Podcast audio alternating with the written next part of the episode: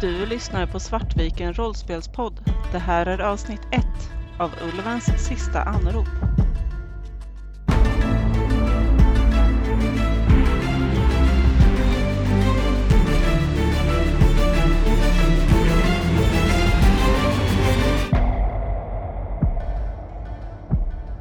Året är 1943. Bortanför Sveriges gränser härjar andra världskriget för fullt. Norge och Danmark har i olika grad varit ockuperade i tre år. Och stora delar av Europa ligger under Hitlers häl. Men det finns ljusglimtar. Året innan har britterna lyckats trycka tillbaka tyskarna vid El Alamein. Och vid Stalingrad satte Sovjetunionen stopp för deras dittills eviga frammarsch. Det tredje riket har börjat blöda. Sverige har hittills hållit sig neutralt i kriget. Men med ett transitavtal med Tyskland som gett en fri lejd genom vårt land. Vi har även tillåtits viss utrikessjöfart av Tyskland, så kallad lejdtrafik. En av svenska flottans uppgifter, som ingår i neutralitetsvakten, har varit skyddet av den sjöfarten. Vilken som regel endast utsträckts till svenskt territorialvatten. Det är nu april. Den skandinaviska vintern har precis börjat lossa sitt grepp om västkusten. Krav från allmänheten har börjat höjas för att säga upp transitavtalet. Samtidigt som Sverige fruktar en trängd fiende. Tyskland har stoppat lejdtrafiken. Allting balanserar på en knivspets. Överallt runt omkring oss brinner världen och döda, okända soldater flyter i land längs våra kuster. Det kanske bara är en fråga om tid innan vi också blir ockuperade. Det är eh, tidig morgon och ni befinner er på Göteborgs örlogsstation. Ni har kallats in tillsammans med flera andra besättningar för ordergivning. Framför er längst fram i rummet står fem personer. Fartygscheferna för Ulven, Draken och Gripen. Ubåtarna i Göteborgseskaden. Kaptenen för pansarskeppet Manligheten samt befälhavaren på västkusten. Han kliver fram och tar till orda. Mannar. Som ni vet har eh, Tyskland tillkännagivit att de med omedelbar verkan ämnar stänga ned lejdtrafiken. Ni hör hur ett eh, oroligt sorl går genom rummet. Det är ett bekymrande angrepp på vår suveränitet och det försätter oss i en prekär situation. Det är nu kanske mer än någonsin av största vikt att ni sköter era plikter med noggrannhet, hängivenhet och med mod. Det åligger oss att försvara Sveriges gränser och vi kommer att fullfölja den plikten. Han låter sin eh, skarpa blick glida över rummet. Det finns ett allvar där som lägger sig som ett isande täcke kring ett mellangärde. Det känns som att vi är nära krig. Och det ändamålet så kommer vi att eh, fortsätta med och intensifiera våra övningar och patruller. Övningen den eh, kommande veckan kommer att gå ut på att eh, se hur pansarskeppet Manligheten tillsammans med jagareskort kan förflytta sig längs territorialvattengränsen och samtidigt skydda sig mot ubåtsanfall. Ni ser hur befälhavaren flyttar sig lite om aningen åt sidan så att en person i uniform kan dra fram en tavla med ett stort sjökort av Göteborgs eh, och Marstrands skärgård. Då. Noggrant indelade i uppdragna små, små rutor. Ulven, draken och gripen kommer hålla sig i undervattensläge och eh, från eh, på förhand specificerade positioner simulera anfall mot yteskaden. Sedan eh, följer mer ingående instruktioner kring hur ja, ni ska gå tillväga med den här övningen. Och detta fortsätter under en dryg halvtimme. Stämningen blir långsamt bättre när ni får sjunka in i det här välbekanta av att faktiskt göra någonting. Även om den där kalla känslan kanske aldrig riktigt lämnar kroppen. Ni går ombord på eh, ert skepp, vilket är ubåten Ulven. Förberedelserna inför den kommande veckans övningar är eh, i full gång de välbekanta ljuden från de trånga utrymmena, slammer från verktyg, snabba steg från besättningen, den tunga metodiska rytmen från motorerna och knakandet från det omgivande trycket från havet. Och ni känner hur eh, ubåten dyker. Vilka är ni ombord på den här eh, ubåten? Ska vi börja med dig kanske, Anna? Jag är Siv Rosvall, en eh, signalist och eh, hydrofonist på Ulven. Jag har tjänstgjort på det här skeppet ganska länge, men är ändå hyfsat ny. Jag är 28 år. Mitt uppdrag som signalist och hydrofonist är ju att ta in och skicka kommunikation när vi kan vara uppe vid ytan och när vi kommer ner under läsa av sensorer och samla in de långdistansmeddelanden som vi kan få. Och också då lyssna på passiv sonar då, så Mm. vad, allting som rör sig omkring i havet. Så, Precis. Omkring. Jag tänker också att ni två kan få blurra lite, så kan jag dra min bakgrund. Jag har också judiskt påbrå. Eh, Mina föräldrar lämnade Tyskland innan jag föddes. Jag har fortfarande släkt kvar i Polen. Släkt som eh, jag har hört talas om hamnat på något slags läger. Och eh, den judiska traditionen i mig är väldigt stark. Och hatet för tyskar är väldigt starkt. Men det är ingenting jag vill tala högt om. Eh, inte här, inte nu. Mitt dubbla, inte medborgarskap, för jag är ju svensk, men min dubbla känsla för den nationalitet jag har eh, gör att jag inte riktigt känner att jag passar in någonstans. Min rädsla är att jag aldrig kommer bli accepterad för den jag är i sin helhet. Och jag har en lögn om att jag alltid måste anpassa mig till de jag är runt omkring. Inte ta ut svängarna allt för mycket. Så att det, det är väl jag. Jag är duktig, men jag gör inte så mycket väsen för mig. Jättebra. Då eh, kan ju eh, du Christer berätta vem, vem du spelar. Jag är eh, sergeant Margareta Norr, Norrskär. Jag är 32 år, har tjänstgjort på Ulven i ja, ganska bra tag nu. Längre med SIV än med eh, löjtnant Frost. Min roll är eh, dykofficer.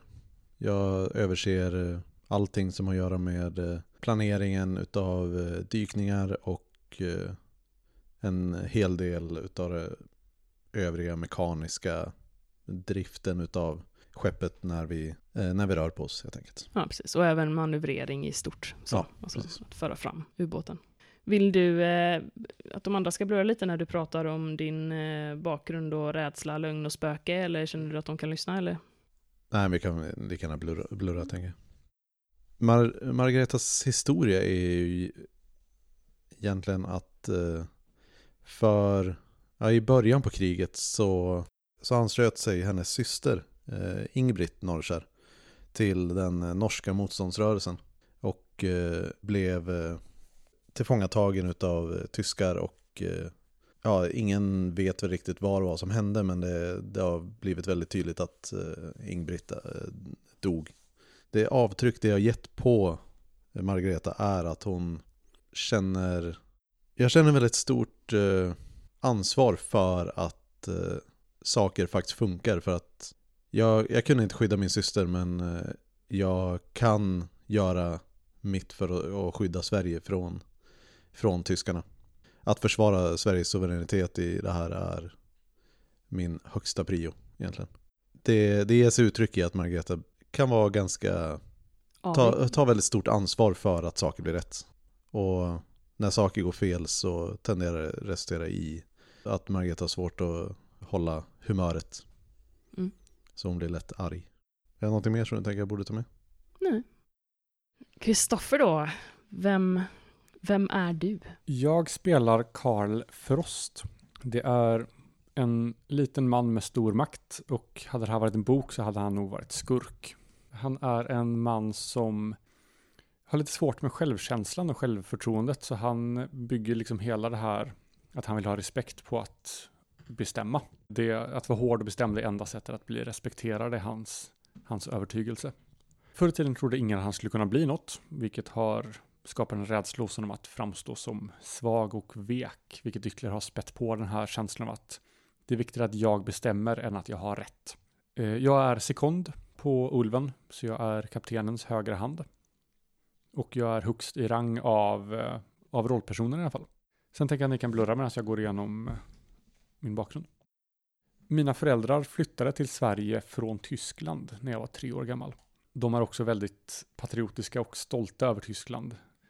Vilket ju självklart då har lett till att det har blivit en del slitningar mellan mig och dem. Eftersom jag nu är med i svenska flottan. Eller marinen, eller vad det nu blir. Jag tycker fortfarande väldigt mycket om dem, men vi pratar inte så mycket om det här. Eh, jag har också ljugit om mitt tyska provbrå och jag har bytt efternamn. Precis, för annars skulle du inte få, eller antagligen inte få känna i, i flottan. Och absolut inte som officer då. Nej, precis. Så att eh, hela din eh, liksom, situation som du har byggt upp nu hänger på, Bygger på en lugn. ja, bygger på en lögn och hänger på att det, det, det här förblir en hemlighet. Mm. Ja, Ni har eh, gått ut i eh, Göteborgs skärgård med eh, ulven och eh, alla de här välbekanta ljuden hörs ju runt omkring och det är ganska mycket rörelse i ubåten. Folk som går fram och tillbaka och stuvar undan grejer och fixar det sista. Och nu har ni ju börjat dyka så att ni ska gå ner och förberedas för den här ja, militärövningen som ni ska syssla med den kommande veckan. Jag tänker att vi kan eh, ta lite var ni befinner er på den här ubåten då. Siv, du sitter ju uppe i eh, det här tornet då. Där har man den här lilla hörnan för, eh, eller radiohytten då, för eh, signalisterna och även hydrofonen då. Så du sitter och lyssnar. Du Margareta, du kommer ju befinna dig i manöverrummet ihop med eh, uppbördsmaskinisten och andra officeren. För det är där med ni styr. Yes. Och eh, det är lite upp till dig var du befinner dig eh, faktiskt, eh, Frost. Jag tänker att jag vandrar omkring lite bara för att ha koll. Jag är ny på den här båten så jag vill ju synas överallt så att hela besättningen känner igen mig och hela tiden har koll på vad alla gör. Just nu kanske jag befinner mig i manöverrummet. Jag sitter eh, lutad över eh, några anteckningsblock med uträkningar som jag har gjort. Eh, Även om mycket görs med liksom räknemaskinerna så är det, är det ju fortfarande en trygghet i att dubbelkolla allting på penna och papper. Jag tycker det är väldigt behagligt med att höra det här välbekanta knarrandet i skrovet och ja, men allting blir liksom lugnare på något sätt ner under ytan. Och det här ständiga som, tuffandet av dieselmotorn är ju, det är ju lite liksom som hjärtslag Mm. i en kropp. Du vet exakt hur du ska låta och det kanske är betryggande på det sättet att det pumpar liv i Verkligen. skeppet runt omkring. Jo men just det här hur, eh, att allting låter rätt är ju en väldigt viktig eh, del av det jag känner som mitt jobb. Liksom, att hålla koll på allting. Och med dina tre prickar i mekanik så vet du ju verkligen hur allting ska låta. När du eh, sitter där så eh, kommer fartygschef eh, Sandberg upp bakom dig. Sergeant Norrkär, jag eh, vill att eh, vi tuffar på mot eh, vår designerade ruta. Jag skulle vilja vara där vid eh, 21.00. Det är uppfattat kapten, det ska inte vara något problem. Och eh, medan som pratar då så pekar hon ju också ut den här lilla, alltså gestikulerar mot den här lilla rutan på eh, sjökortet som du har bredvid dig då. Mm. Hela skärgården är egentligen uppdelat i ett ganska intrikat rutnät då, där det är väldigt tydligt specificerat när ni ska vara i olika rutor och då simulera anfall mot eh, manligheten och eh, jakteskorten. Precis, för det här är bara en övning va? Det här är en övning. Och ni har ju gjort en del övningar innan, men nu så har vi ju eh, trappat upp det mer då, eller ska trappa upp det mer då, med tanke på att eh, nu är det väldigt känsligt läge. I och med att tyskarna har stoppat lejdtrafiken. Det, det är liksom en ganska orolig stämning, både på örlogsbasen och eh, även på ubåten. Och det går en hel del rykten om att eh, man förväntar sig en blixtoffensiv från Tyskland. Eh, framförallt då för att de ska komma åt våra malmfält. Så man förväntar sig nästan ökad eh, tysk närvaro i skärgården.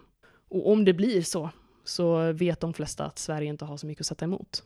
Den här nervositeten över att veta att eh, risknivån har liksom ökat så mycket gör ju att jag, medan jag sitter där och dubbelkollar alla mina beräkningar, eh, för jag har redan räknat igenom en gång att vad vi behöver göra för manövrar för att ta oss dit på tid. Eh, nu när jag dubbelkollar så har ju även en del av min uppmärksamhet tjuvlyssna liksom mot radiokommunikationen liksom och, Precis som är Och- ovanför det. ja, Ja. Mm. för att höra om så tidigt som möjligt om det skulle vara någonting som verkar struligt eller sådär. Mm. Eh, Fartygschefen då, Sandberg, hon eh, klappade lite på axeln eh, så uppmuntrande. Ni har nog arbetat ihop ett tag. Har du, hur känner du inför eh, Sandberg? Jag känner nog att Sandberg är en ganska, alltså en eh, kompetent i sin roll. Vet eh, oftast eh, vad som behöver göras. Eh, Jag uppfattar nog ändå Sandberg som har hyfsad pli på, på Frost, men även om jag eh, kan tycka Frost är lite jobbig ibland. Och de är kanske inte jättelika, Sandberg och Frost. Sandberg har ändå varit med i leken ett tag. Jag tänker mig att hon ändå är upp mot åtminstone 40. Så att eh, hon har sett sin beskärda del av eh, operationer till sjöss. Så att eh, det, det är nog kanske ändå ganska distinkt skillnad mellan Frost då och Sandberg. Att Sandberg är lite lugnare och lite mer avslappnad. Inte lika mycket att bevisa. Nej, nej. Absolut. Och ni kanske aldrig har sett henne egentligen ha någon form av alltså, panik. Ni kan, Nej. hon kanske är, är sån här som behåller lugnet under, Ja. eh, Absolut. under stress. då. Absolut. Så att det, det, är en, det är en ovanlig syn att, att se henne skakad eller uppe i varv eller Mm. så. Men eh, kapten Sandberg, hon, eh, hon ger även eh, Frost en liten klapp på axeln så, att så här, ja men eh, du kan ha koll här nu, löjtnant Frost, så ska jag gå tillbaka och läsa lite rapporter. Behöver dubbelkolla en del inför eh, ikväll då, när vi når vår ruta.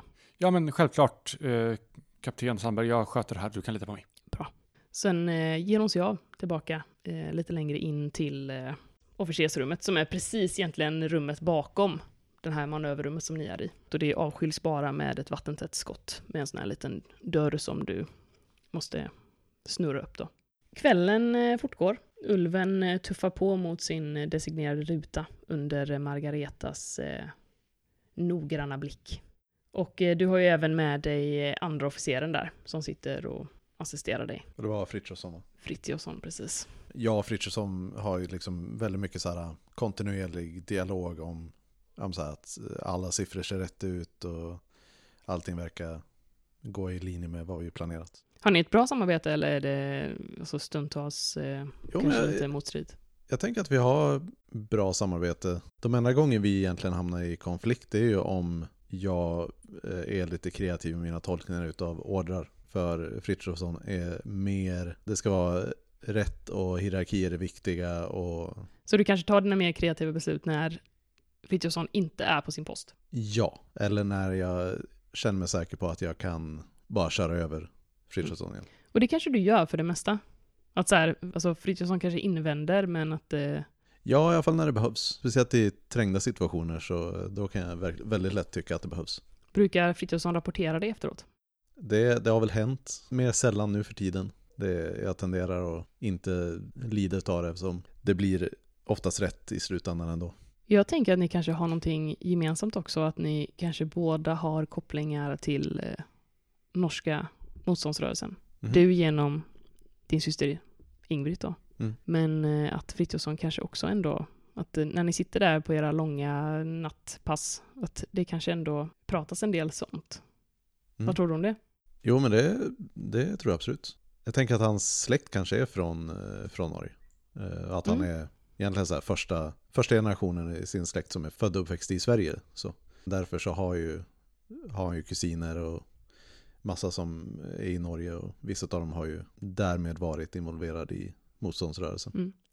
Så när ni sitter där och klockan eh, börjar ticka mot eh, 18, det är ju ganska dov belysning där nere i eh, manöverutrymmet, men ni har ändå så ni kan se era kartor och så. Det har kanske blivit lite mer så här uppsluppen stämning, att så här, nu har ni ändå, ni har satt kursen, ni har koll på kursen, ni har börjat komma in i den här rytmen av att vara i tjänst.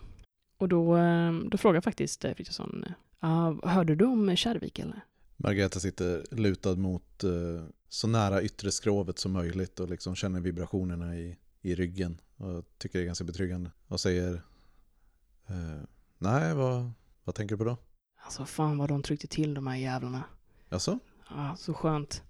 De fick fem av dem. hur många var det in- inblandade? Ja, det måste väl varit, eh, jag tror jag, jag tror jag hade tio. Så att, eh, Tog de några fångar? nej. Vem fan vill ha tyska fångar? Sant. Vi kommer inte få ut något vettigt ur dem där ändå. De är, de är ju galna allihopa. Ja, minst sagt. Ja, fan, alltså ibland önskar man ju nästan att, eh, att man var där. Men eh, visst, vi gör ju någonting viktigt här, men fan att få trycka till en tysk alltså. Det hade fan varit någonting Norrkär. Jag har på känn att eh, våran, våran tid kommer att komma snart. Och du ser hur eh, så här, Frithiofsson spricker upp i ett så här leende. Oh, alltså det hade ju inte varit helt fel att släppa iväg en torped alltså. Ja, Jag hoppas verkligen att vi får tillfället. Det, det är bara att vänta på signalen tänker jag. Pekar upp mot eh, tornet och radiorummet. Frithiofsson nickar. Men eh, när det kommer så då kommer du få se vad, vad vi går för. Frithiofsson nickar liksom ännu mer energiskt. Det finns liksom en, den här patriotiska känslan i rummet av att eh, fan, de vet ju inte vilka de jävlas med. Margaretas eh, övertygelse är ju verkligen att det, det svenska försvaret är ju underutnyttjat men har sån enorm potential. Om vi behöver eh, sätta dit tyskarna så kommer vi, kommer vi göra det liksom. Mm. Då kan vi hoppa upp till eh, alltså tornet då, Mm. där eh, Siv sitter Mm. tillsammans med eh, signalist eh, Svanlund. Ni har precis fått in eh, rapporten från land som ni har väntat på. Och det är ju mer eller mindre att direktiven ligger fast, ordrarna ligger fast, ni ska vara i ruta vid 21 och då ska ni simulera anfall mot manligheten och dess jakteskort. Så att allting fortlöper enligt plan. Och eh, draken har precis simulerat sitt första anfall från sin första ruta då. Så att eh, militärövningen är officiellt igång. Så att eh, du har fått den här rapporten och eh, det är ju dags för dig att eh, vidarebefordra den då. Mm. Är det du eller Svanlund som brukar gå och vidarebefordra eller hur, har ni någon slags eh, inbördes eh, rangordning? Det är Svanlund som, eh, som vidarebefordrar. Jag kan göra det också. Ofta är det han som får ta ganska mycket cred av det arbetet som görs, medan jag är den som ser till att det görs bra. Så du är helt enkelt den av er som är bättre på jobbet. Precis. Men jag vill som- inte ta så mycket uppmärksamhet till mig. Varför vill du inte det? Just nu så är det ett så otroligt spänt läge. När jag var yngre så kunde jag vara ganska livlig och eh, självsäker. Men ju mer makt som eh, tyskarna har fått och ju mer jag hör från andra sidan. Jag ska hålla huvudet lågt och göra mitt jobb. Och hoppas och se till att tyskarna inte kommer hit. Tycker du om Svanlund? Är ni, är ni vänner eller är det en person du tolererar? På något sätt är det en god men problematisk relation. Jag har inte riktigt listat ut vad det problematiska är. Av någon anledning så litar jag inte på honom. Kanske är han lite att han gärna kom på ett mer diplomatiskt ord än slicka röv, men kanske är han väldigt intresserad av att eh, framstå i god dager Mm. inför eh, Precis. högre befäl, som till exempel Frost eller Ja. Sandberg. Och nu passar det mig bra eftersom tyskarna har fått så mycket makt. Men eh, jag kan ju bli väldigt irriterad på att han tar åt sig äran för saker och ting där jag egentligen är den duktiga. Och han gör väl sitt jobb, typ. Han är inte helt inkompetent i alla fall. Nej. När ni sitter där så tänker jag att eh, sekunden eh, Frost kanske kommer upp. Att du har gjort en liksom patrullerande runda så och, Mm. och kanske kommer upp i, i tornet för att se hur det, hur det går. Jag tänker att jag är en rätt liten man med väldigt skarpa anletsdrag. Kort och välvårdat brunt hår. Ögon som hela tiden tittar sig omkring. Alltid tittar på någonting. Jaha, hur går det här då? Eh, Vi har precis fått en eh, rapport från land då.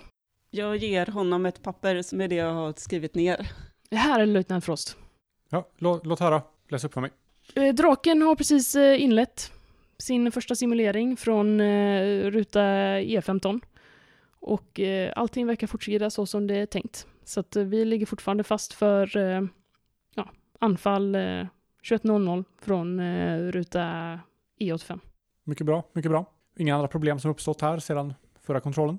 Ingenting från land, eh, löjtnant Frost. Bra. Jag tittar på er två sekunder längre än nödvändigt egentligen. Och sen vänder jag mig om. Bra. Ses nästa runda. Sen klättrar jag ner igen. Siv andas ut. Det gör faktiskt eh, Svanlund också. Ja, ja, vi får ju se hur det blir nu med eh, den nya löjtnanten. Vad Ja. tror du? Eh, Jag tycker ju att Sandberg är en väldigt kompetent eh, kapten. Jag litar på hennes omdöme. Men det hade varit väldigt skönt om eh, han, jag tittar bort mot dörren, kunde lita på oss. Ja, faktiskt. Men han kanske växer in i det. Alltså han har ju inte varit här så länge än. Mm. Nej, jag bara väntar mig att han ska dyka upp bakom axeln när som Ja, helst. eller hur? Som en jäkla vålnad. Precis. Men han är säkert väldigt duktig på sitt jobb. Ja. Och det ska vi se till att vara också. Vi Absolut. får se till att få ordning på den här övningen så, så vi är beredda när, när det händer. Ja, tror du verkligen att det, att det kommer hända någonting då? Du kan se på Svanlund att han eh, ser rätt så nervös ut. Mm. Och det gör ju Rosvall också. Hon, eh, det har ju stegat. Alltså vi, vi kommer ju vara väldigt nära gränsen nu. Vi kanske, vi kanske får träffa dem ändå. Alltså jag är lite orolig över att vi är oss så nära territorialvattengränsen. Alltså har du sett på kartorna? Det är ju verkligen precis. Mm. Ja, men det kan ju inte vara tryggt att... Menar, speciellt nu med det här läget. Verkligen. Alltså, jag, Ja. jag förstår verkligen inte varför ledningen tar oss så nära. Nej, jag Alltså, förstår vi, inte. vi borde öva mycket, mycket längre in. Verkligen, för att hålla oss säkrare. Å andra sidan så behöver ju vi behöver se till så att det verkligen blir en, en korrekt övning. Om de kommer så måste ju fartygen vara beredda på det värsta. Ja, men tänk om de tar det som en provokation.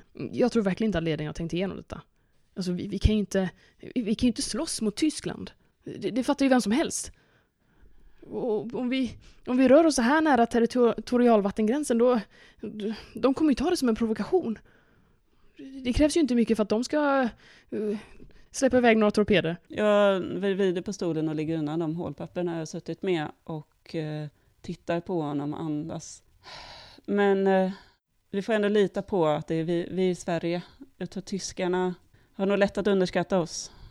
Och vår ledning är ändå väldigt stark. Vi är starka tillsammans. Och gör vi bara vårt jobb så är det nog ingenting som händer. Och vi går ju faktiskt inte över gränsen. Jag tror inte tyskarna bryr sig om det. Du ser att så här, Svanlund är inte, han vill liksom inte direkt säga emot dig, för det vore ju opatriotiskt. Ja. Men eh, det här samma förtroendet och den här liksom viljan att, att, att offra sig för Sverige mm. verkar ju inte finnas där.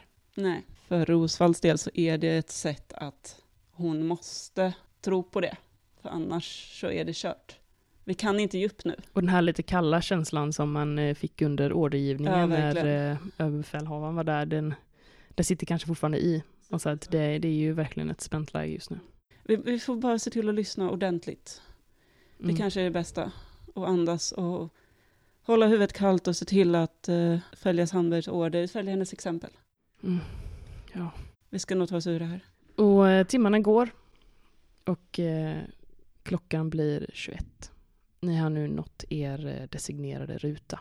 Där ni ska simulera ert första anfall mot pansarskeppet Manligheten och dess jakteskort. Och då tänker jag att vi hoppar ner till eh, Sekond Frost som är nere i, eh, i förliga torpedrummet, vilket är torpedrummet i fören. Och eh, där är ju du med eh, uppbördsmaskinist eh, Warnberg och kanske även med andra officer eh, Frithiofsson. Och ni håller ju på och eh, ja, lossa de här eh, träningstorpederna då. Och det finns ju, det, ni har ju två stycken bestyckningar egentligen på den här ubåten. Dels så finns det ju faktiska torpeder som inte är till för träning utan de, det, det är skarpt. De skjuter ni ner skepp med. Och de eh, ligger liksom på ena sidan fastgjorda så, så att man ska kunna ladda och ha sig. Men sen finns det ju även då vattenfyllda träningstorpeder som ni ska använda för att ja, ni ska helt enkelt simulera då ett anfall mot det här pansarskeppet då.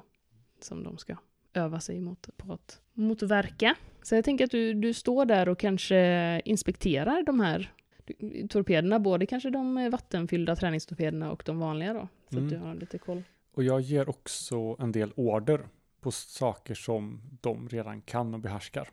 Så jag ger order för att ge order mer än för att det behövs. Mm. Och de följer ju det, men det är ju ändå... Du har ju ganska mycket psykologi, eller hur? Ja, maxat tre. Mm. Du ser att de utbyter blickar. Mm. Du är ganska medveten om att de tycker ju att det är lite påfrestande för dem. Att du, du gör så. De undergräver mig. Det gör de. Och de verkar inte riktigt respektera din auktoritet. Men du är ju ändå sekunden. Det här ligger på ditt ansvar. Jag lägger det här på minnet. Mm. Jag föreställer mig att de säkert gör så här, vissa saker utöver det som Frost säger som ändå ska göras liksom. Precis, att de även passar på att så här, dubbelkolla det här i glaset och fixa. Vad gör du då när de gör lite extra grejer? Jag ger dem nog beröm. Att så här, men det är bra att ni kommer ihåg det och, och så. Men jag erkänner aldrig att jag missat någonting. Mm. Utan jag berömmer att de är initiativtagande, inte att mina instruktioner var bristfälliga. Och det är egentligen inte att, att du har missat någonting, för det är inte någonting som ni ska göra just i det här momentet. Det är snarare mm. att de passar på att flika in grejer som de vet att de behöver göra ändå, för att de har vanan inne. Mm. Så att så här, de gör grejer utöver ert liksom, specifika uppdrag i nutid. Mm. Och jag fäller många kommentarer som att, ja men, bra initiativ, jag hade precis tänkt påpeka det. Mm. Trots att det inte skulle göras nu. Du ser ju att de, de svarar ju liksom som sig bör eh, enligt alla, all kod och, och kutym och eh, ja, löjtnant. Ja, uppfattat det löjtnant. Men eh, du ser ju att de, det finns ju viss kyla där. Mm.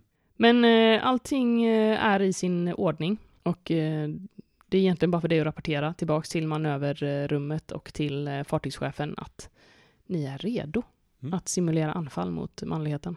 Jag nickar åt dem och ja, eh, bra jobbat. Och sen går jag iväg för att rapportera till kapten Sandberg. Fartygschefen eh, står ju i manöverrummet med eh, Norrkär. Och, eh, och kommit tillbaka ut och har läst sina rapporter och överblickat lite och du ligger ju exakt så som du ska ligga. Det här, du har gjort det här hundra gånger förut. Du ligger väldigt fint positionerade i er designerade ruta. Mm. Jag har förklarat lite grann så här, eh, hur det har gått och om jag har sett någonting utmärkande, hur fartyget har betett sig eller så. Om det är någonting som verkar off eller så. Det glider på väldigt fint. Sen finns det ju alltid vissa grejer som som sagt man skulle kunna, ja men det där, du, du kanske gör lite sådana mentala noteringar om att det där behöver vi nog kanske kika på efter övningen eller kanske att, ja det här får jag nog ha lite un, koll på under för att det skulle bli värre. Ja, det, underhållet är ju alltid, är ju kontinuerligt, det är ju alltid saker som måste fixas. Mm. Ja, ni står där och eh, sekund eh, Frost kommer in. Kapten Sandberg. Ja, löjtnant. Allting är redo. Jag har kontrollerat det personligen. Bra. Då är vi redo. Norrkär, jag vill att eh, du eh, ger order om att avfyra träningstorpederna. Eh, kapten, jag är kapten. Så jag lyfter på ja, luren och ringer till farliga torpedrummet. Ja, sergeant. Furir, gör klart för att avfyra torpederna. Ja, sergeant. Ja, den Frithiofsson gör i ordning de här träningstorpederna och eh, torpeder redo. Torpeder redo, kapten. Sandberg eh, kikar ut över er som, som är i, i rummet och kikar lite som att, eh, ja men nu kör vi. A4 torpeder. A4 torpeder. Ja, sergeant. Torpeder avfyrade. Torpeder avfyrade, kapten. Rosvall hör ju där uppe i tornet vid eh, hydrofonen hur de här torpederna går iväg. Och eh, du hör även hur eh, manligheten verkar avvärja dem. Och eh, ganska så tätt inpå så får ni återkoppling från manligheten att så här, ett misslyckat anfall, en lyckad simulering. Det, det fortlöper precis som, som försvarsstaben vill att det ska fortlöpa. Har vi redan börjat på manövrera därifrån eller eh, ligger vi kvar och väntar? Ni ligger kvar och väntar tills ni får bekräftelse på att, eh, an, att eh, det har gått fram och eh, att eh, manligheten har avvärjt och att just den här delen av övningen är det simulerade anfallet är över. Sen så får ni en ny ruta som ni ska manövrera till då för att eh, påbörja hela processen igen. Och eh, nästa simulerade anfall ska ske imorgon vid eh, 14.00. Hade vi förhandsinformation om eh, vilken ruta det var vi skulle till nu? Eller det... Ja, så och sen jag... så får ni ju också uppdateringar från eh, staben på land då, utifall att det skulle bli förändringar, men ni, ni, har liksom ett körschema som ni ska köra efter. Då sätter jag mig och börjar på och dubbelkolla alla uträkningar igen och ja, se om det är någonting som behöver uppdateras. När ni får bekräftelse på att den här simuleringen är lyckad så, eh, så tittar sig Sandberg åter om, återigen om i rummet och så här, nickar eh, så här, som att mm, Bra gjort eh, mannar, då, då kör vi på igen. Det är bara att tuffa på. Och så försöker lite, lite så här glatt höja stämningen. Hon klappar till det lite på axeln igen så. Bra gjort sergeant. Det kan man alltid lita på. Tack så mycket kapten. Ja, du borde ju kunna göra det här i din sömn nu, eller hur? Allting är redan gjort. Sandberg nickar. Och eh, tiden fortsätter löpa på. Den här övningen eh, verkar gå som planerat. Gripen hade lite problem att eh, manövrera till sin, eh, sin eh, andra ruta. Eh, nu har det också börjat blåsa upp lite så att det, det är inte riktigt storm men det, det börjar dra några sekundmeter där uppe vid ytan nu. Så att det kommer nog bli dåligt väder framöver veckan. Kommer vi närmare närmare gränsen eh, eller hur går rutten? Du, eh, vill du liksom kika ja. på rutten? Mm. Mm. Ja, ni rör er ganska nära territorial Jag tänker med gränsen. Ja. Du har ju Svanlunds Precis. ord i bakhuvudet. Det är faktiskt ganska nära. Ja. Och jag menar, det är inte så att tyskarna brukar respektera, respektera gränserna. gränser. Så det är nog en viss litet pirr som kommer i magen när du ser hur, eh, hur nära ni är otryggt vatten. Jag tänker ändå att jag i mässen någon gång, eh, när jag sitter bredvid Norrkär och dem. Klockan är väl kanske 01.00 och eh, ni ska alla gå på och ha ett sovpass efter det här. Så ja. att ni äter liksom sista målet på, för passet. Mm. Så ni sitter i den här eh, lilla mässen då, det är ju manskapsrummet, så att här finns det också sen där man eh, går och lägger sig. Mm. Allting är ju på en plats i princip. Det är litet, det är trångt, det är väldigt intimt. Så. Ja, men jag berömmer eh, Norrkär för, eh, för det arbete som har gått hittills. Men eh, eh jag slog ett, ett, ett titt på den eh, eh, rutten som vi ska ta framöver. Jag är lite på Svanlunds initiativ faktiskt. Och vi är väldigt nära gränsen. Har du varit med om att vi Görs sådana här övningar så nära tidigare? Ja, tack för, eh, tack för berömmet, men det är ju bara det, det jobb vi gör. Jag menar, så länge vi håller oss inom den, vår territoriella gräns så borde det inte vara några problem. Men eh, jag tror inget av oss skulle väl gråta om vi var tvungna att titta på några tyska båtar sjunka. Nej, jag får bara hoppas att de inte är för många. Jag har hört med andra ställen där tyskarna inte riktigt har respekterat gränsen, du vet. Nej, det, de, de är ju opolitliga de där. Mm. Jag vill bara inte att det ska råka ut för någonting i, i skeppet här, men vi, vi får väl vara redo. Du har rätt. Och uh, får vi ner några så är det alltid bra för kriget. Jag hoppas att ni har bra koll på vad, vad som hörs där ute. Självklart så är det jag lyssnar på hela tiden just nu. Ja, jag litar på att ni gör bra jobb. Samtidigt som jag säger det så, så blir jag ju fortfarande lite så här nervös för att jag får intrycket av att eh, Siv, eh, Siv Rosvall är nervös på ett sätt som jag kanske inte uppskattar. Nej, och kanske på ett sätt som jag inte varit tidigare heller. Jag brukar ju inte ta den platsen och oroa mig så. Nej, precis. Så, så jag, jag gör nog en mental anteckning liksom om att jag kanske ska hålla lite extra koll på Rosvall och Svanlund. Mm. Vill eh, någon annan göra någonting mer i mässan eller går ni och lägger er? Jag sitter nog bara och äter under tystnad, men jag lyssnar väldigt noga på vad som sägs. Men jag försöker ändå att sitta och, så att ingen lägger märke till att jag lyssnar på dem. Vad tänker du om eh, Rosvalls eh, oro? Jag tycker oron är befogad, men jag tycker hennes eh, sätt att sprida oro och nervositet bland besättningen är eh, oacceptabel. Men det är ingenting som du åtgärdar, utan du, du låter det gå? Nej, jag tänker att eh, jag låter det gå den här gången. Men om det sker igen så får vi nog ta ett samtal. Och det är ingenting du informerar fartygschefen om heller? Nej. Jag och Frithiofsson sitter och pratar om eh, så här ryktena om den här nya, någon ny tysk ubåt. Och tyskarna, de är ju, de är ju duktiga på ubåtar. För en gångs skull så är faktiskt Storbritannien utmanat till sjöss. Det har precis inte hänt innan. Det är ju en väldigt läskig grej egentligen. De här eh, maskinerna som rör sig ute till havs, de är eh, högteknologiska, de är effektiva och på en helt annan nivå än vad många andras teknologier. Ja, natten eh, sänker sig. Ni, eh, ni lägger era kojar för att sova för natten. Och där tänker jag att vi nog kanske kör en scen med sekundfrost kanske. Du väcks med ett ryck. Någon eh, skakar dig där du ligger där i din koja. Eh, va? Va? Vad är det som händer? Löjtnant, löjtnant, du måste komma direkt! Du måste komma direkt! Jag slänger benen över kojen och sätter mig upp. Jag rufsar ordning håret lite snabbt och sen så ställer jag mig upp. Mannen eh, börjar springa tillbaks in mot manöverrummet. Och du, du inser när ni springer att du inte riktigt känner igen personen.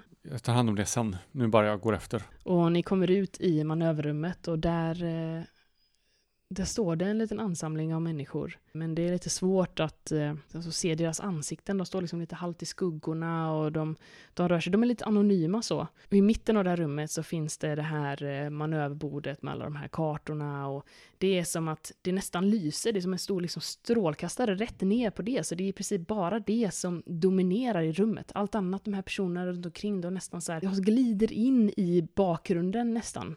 Som att eh, rummet runt omkring är en oformlig gråsvart massa nästan. Där, där ser du att där står ju fartygschefen Sandberg. Löjtnant! Var har du varit? Eh, jag, jag kom så fort jag kunde. Vi är under anfall! Och gestikulerar ner mot eh, det här bordet och eh, helt plötsligt så hör du bara uppifrån hydrofonerna i tornet ovanför ljudet av någonting som obevekligt är på väg mot er. Letar med blicken efter den här mannen som kom och väckte mig. Varför väckte du mig inte tidigare? Du, du kommer få sota för det här. Eh, kapten, eh, uppdatera mig om läget. Vad är det som händer? När du vänder dig mot den här personen som har väckt dig så är det som att äh, han flyter undan in bakåt och varje gång du försöker liksom hitta honom så du kan peka ut honom för Sandberg så, så är det som att så här, vem, vem, vem var det? Var, var är han? Och de här människorna som är runt omkring er i bakgrunden, de verkar liksom så fort du pekar på den så är det som att de glider undan och där står det ingen nu, där är bara ett, ett skov och den här metallväggen. Jag gnuggar mig i ögonen. Kan upp, uppdatera mig om läget. Det här är faktiskt ditt ansvar, löjtnant. Vi räknar med dig. Jag, jag ber så hemskt mycket om ursäkt. Jag, jag ska omedelbart se till att det här löses. Jag ropar upp mot, mot tornet. Eh, uppdatering, vad är senaste läget? Du hör det här obevekliga ljudet av någonting som rör sig mot er under vattnet. Du vet i din självaste själ vad det är för någonting utan att du egentligen känner igen det. Det är en torped. Det är för sent. Hur ska ni kunna manövrera undan? Du ser hur eh, Sandberg stirrar på dig. Men gör någonting då, löjtnant! Jag känner hur svetten bryter fram i pannan. Ehm, manö manöver, manöver, undanmanöver, skriker jag ut i vild panik. Och när du skriker det så känner du hur hela ubåten skälver till och du nästan kastas omkull. Och du hör det öronbedövande dånet av först en explosion och hur metall tvingas isär och sen eh, hur vatten obevekligen forsar in. Du ser hur de här människorna runt omkring dig smälter in i vattenmassorna som helt plötsligt forsar in i rummet hos dig.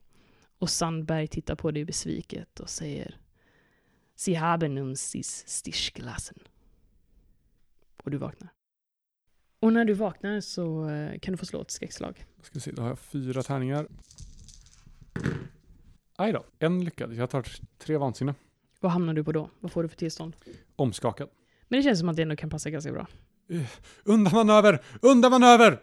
Du ser hur eh, kapten Sandberg kommer fram till dig. Löjtnant, hur är det? Jag rycker tag i henne. Men ser du inte, vi är under attack! Vi är inte under attack. Jag måste be er att sansa er. Jag tittar mig omkring, eh, ser på alla ansikten som betraktar mig. Ta er samman, man. Jag ber om ursäkt kapten, det var bara en dröm. Ja, drömmar kan du göra när du är på land. Ja kapten, självklart kapten. Sandberg så här, skakar lite på huvudet när hon går därifrån och, och går ut mot manöverrummet. Norrkärr som har, som hoppat ur sin koj tittar irriterat på Frost och hoppar upp igen och lägger sig och försöker sova. Eller är det dags att kliva upp eller? Ja, det är nog inte helt dags att kliva upp egentligen, men det är typ så här kanske en halvtimme kvar, så att du vet att du kommer nog inte kunna Ja. somna om. Så att eh, nu, utöver att eh, Sekundfrost verkar ju helt klart ha problem, så har han ju också eh, stulit en halvtimmes nattsömn från dig. Mm. Eller ja, skiftsömn. Så jag tittar lite längtande bak, tillbaka på kojen istället och sen tar jag eh, min eh, uniform och eh, drar på mig. Jag går ur kojen och sträcker på mig och så här. Ja, och nu när vi ändå alla är vakna så kan vi ju lika gärna gå upp och påbörja dagen. Sen fnyser jag och så stampar jag därifrån för att uträtta mina behov. När du gör det så utbyter eh, andra officeren Frithiofsson en blick med dig i Norrkärr, så här som att We're so fucked. Ja, jag håller med så mycket jag kan med bara en blick. Jag skakar lätt på huvudet och går sedan ut till eh, eh, mässen och plocka på mig av det som vi äter till frukost. Vad det nu är. Och ni äter frukost och eh, ni drar igång med ert eh, skiftsarbete. Och eh, det fortlöper ungefär så som dagen innan. Att ni ska ta er till er ruta och eh, ni ska simulera anfall mot eh, passarskeppet Manligheten. Du, eh, Siv, du sitter uppe i, eh, i tornet och eh, lyssnar med hydrofonen. Och när du gör det så eh, hör du plötsligt eh, motorljud. Det tar först är det så lite, lite dovt som att eh, det är lite längre bort, Mm. men eh, sen nu, nu, du kan ändå efter ett tag, så när du lyssnar noga, utröna att så här, nej men det här är, eh, det är ganska distinkt. Du, du, du vet vad du ska lyssna Mm. efter, det här är motorljud. Och det är inte någon av våra båtar som är beräknad att vara här i närheten. Du vet Mm. inte, du måste dubbelkolla det. Mm. det. Det skulle ju kunna vara draken eller gripen. Det, ibland, ni, ni rör er ju runt bland rutor, så att eh, ibland är ni närmare varandra, ibland är ni längre ifrån. Så att det, det skulle kunna vara dem, absolut. Men då porterar jag ner till, det, det jag tänkte säga förresten var att eh, eh, Norrskär är på väg upp. Okej. Eh, Mm. Innan, eh, inte på grund av ljudet utan innan dess. Men eh, Rosvall säger åt eh, Svanlund att fortsätta lyssna medan hon rapporterar och går bort mot relingen och jag tror att det är då hon möter eh, Norrskär. Sergeant Norrskär, eh, vi hör eh, motorljud som kommer från ett skepp i närheten. Jag är på väg att rapportera det. Var det något annat? Jag ser lite förvirrad eh, och konfunderad ut. Och nickar och säger det är uppfattat Furir. Jag kliver åt sidan och, och släpper Mm. förbi dig och så går jag till eh, hörlurarna och lyssnar själv. Det, det är motorljud. Kan du höra om vilken motor det är till och med? Är du så duktig Ja, på det är det jag motor? funderar på. För det alla motorer har ju liksom olika eh, signaturer sådär. Jag tänker, Mm. kan du höra om det inte är någon av eh, draken eller gripen i alla fall? Jag tänker att man borde ju kanske kunna höra, i alla fall om man är så pass duktig som du är. Nej men, eh, kör på det. Slå ett teknikslag. Om du lyckas det, då kommer jag säga vilken typ av båt det är. Och så om det är en ovanför vatten eller under vatten. Och jag kommer säga om den är svensk. Eh, så då har vi en, två, tre, fyra lyckade. Detta är en eh, tysk ubåt. Jag vänder mig till eh, Svanlund och jag har en ganska oro, orolig blick. Han tittar på dig lika oroligt och nästan så här önsketänkande så, så frågar han. Är det, är det Gripen? Nej, det, det där är en tysk båt. Du ser hur hjärtat verkligen sjunker i bröstet på den här stackars signalisten. Han är rädd nu. Jag, jag tar av mig hörlurarna och jag har ganska stirrig blick. Klättrar ner och eh, går fram till eh, Frithiofsson och säger Vad är det? eh, slå av dieselmotorerna. Vi, vi går på bara el nu. Du ser hur eh, Frithiofsson blir likblek, men gör exakt som, som du säger. Och slår av dieselmotorerna. Och jag tänker, är eh, sekunden i rummet? Jag tänker att jag kanske kommer in så fort motorerna stängs av. Så Mm. kommer jag in. Vad är det som pågår? Eh, Löjtnant eh, Frost, eh, jag måste rapportera att vi hör eh, motorljud. Jag tittar bort mot eh, Norrskär. Det är en tysk ubåt. Ehm, jag förstår.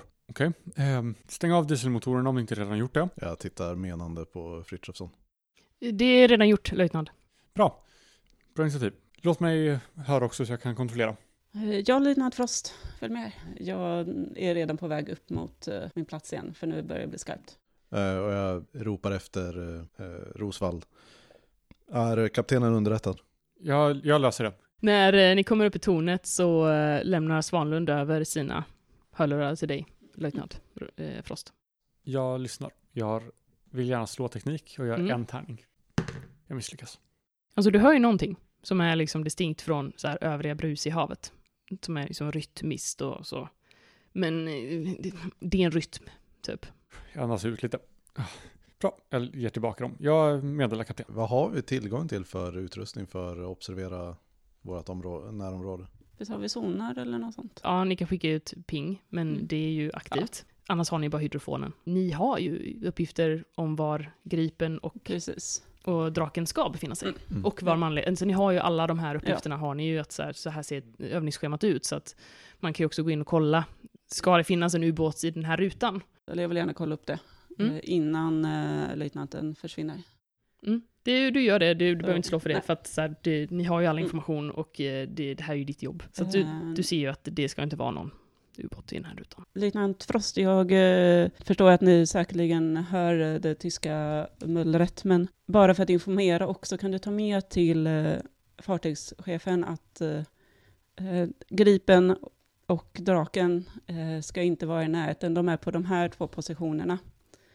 Eh, det finns inget känt skepp som ska vara här i närheten. Jag slickar mig om läpparna. Ehm, ja, eh, självklart. Det hade jag tänkt göra ändå. Bra, bra initiativ för en gångs skull. Eh, sen går jag till kapten. Fartygschefen sitter med rapporter inne i officersrummet som är precis vägg i vägg. Får jag lägga till en sak till som jag och Frithiofsson gör? Absolut. Vi lägger om kurs när vi har stängt av dieselmotorerna. Eh, Mm. För att försöka vara svårare att eh, lokalisera för ubåten. Mm. Ingen så här drastisk kursändring men Men eh, tro- ni har inte fått order om att göra det. precis. Men eh, vi gör det. Yes. Och man kan ju också känna att det, ubåten Mm, vänder vänder, lite. Så, så att det, ni andra som är i skeppet känner ju det också. Mm, bra. Då har jag koll. Jag går in och ställer mig i, vid kaptenen och inväntar på att bli erkänd. Sandberg eh, stoppar undan, eh, alltså, tar upp den här rapporten som han har suttit och läst och så här, eh, skakar ihop papperna och sen så tittar hon upp mot dig. Hon ser fortfarande lite irriterad ut. Ja, löjtnant. Eh, vi har fått rapporter om att det har identifierats ett, eh, en ubåt, en okänd ubåt, farkost. Okej, vilken ruta? Jag säger rutan. Vi har också kontrollerat och eh, bekräftat att eh, ingen av våra kända båtar finns här. Okej. Vad har du åtagit för eh, åtgärder? Har du ändrat kurs? Har du stängt av motorerna? Det är gjort. Mm, Du kan få slå ditt, något socialt med din psykologi. Och sen så eh, slår jag för eh, Sandberg. Fyra träffar. Och jag får två träffar. Så att, eh, nej men hon, hon synar det lite så. Men eh, sen nickar hon och, bra. Bra löjtnant. Vi, vi behöver rapportera in det här till, eh, in till staben. Så att vi behöver gå upp i, eh, vi behöver gå upp i ytläge när vi har kommit härifrån. Jag förväntar mig att du eh, förmedlar den här orden. Och om situationen skulle ändras så kommer du hämta mig. Är det förstått? Självklart, det är förstått. Jag ska skriva ihop en rapport för, eh, för staben. Tack kapten. Du kan gå. Tack. Jag går ut igen till, till de andra. Så fort vi har kommit bort från den här situationen så ska vi gå upp till ytan så att vi kan rapportera det här. Jag vill också att vi ändrar, eh, ändrar riktning omedelbart. Det är uppfattat, löjtnant. Ska vi även dyka djupare? Ja. Det är uppfattat. Eh, Och sen vidarebefordrar de här orderna till Frithiofsson. Ja, vi börjar på att förbereda för eh, dyka. Ni gör det. Och Rosvall, du som sitter vid eh, hydrofonen, du eh, hör plötsligt ett dovt metalliskt mullrande. Ungefär som artificiell åska som rullar in.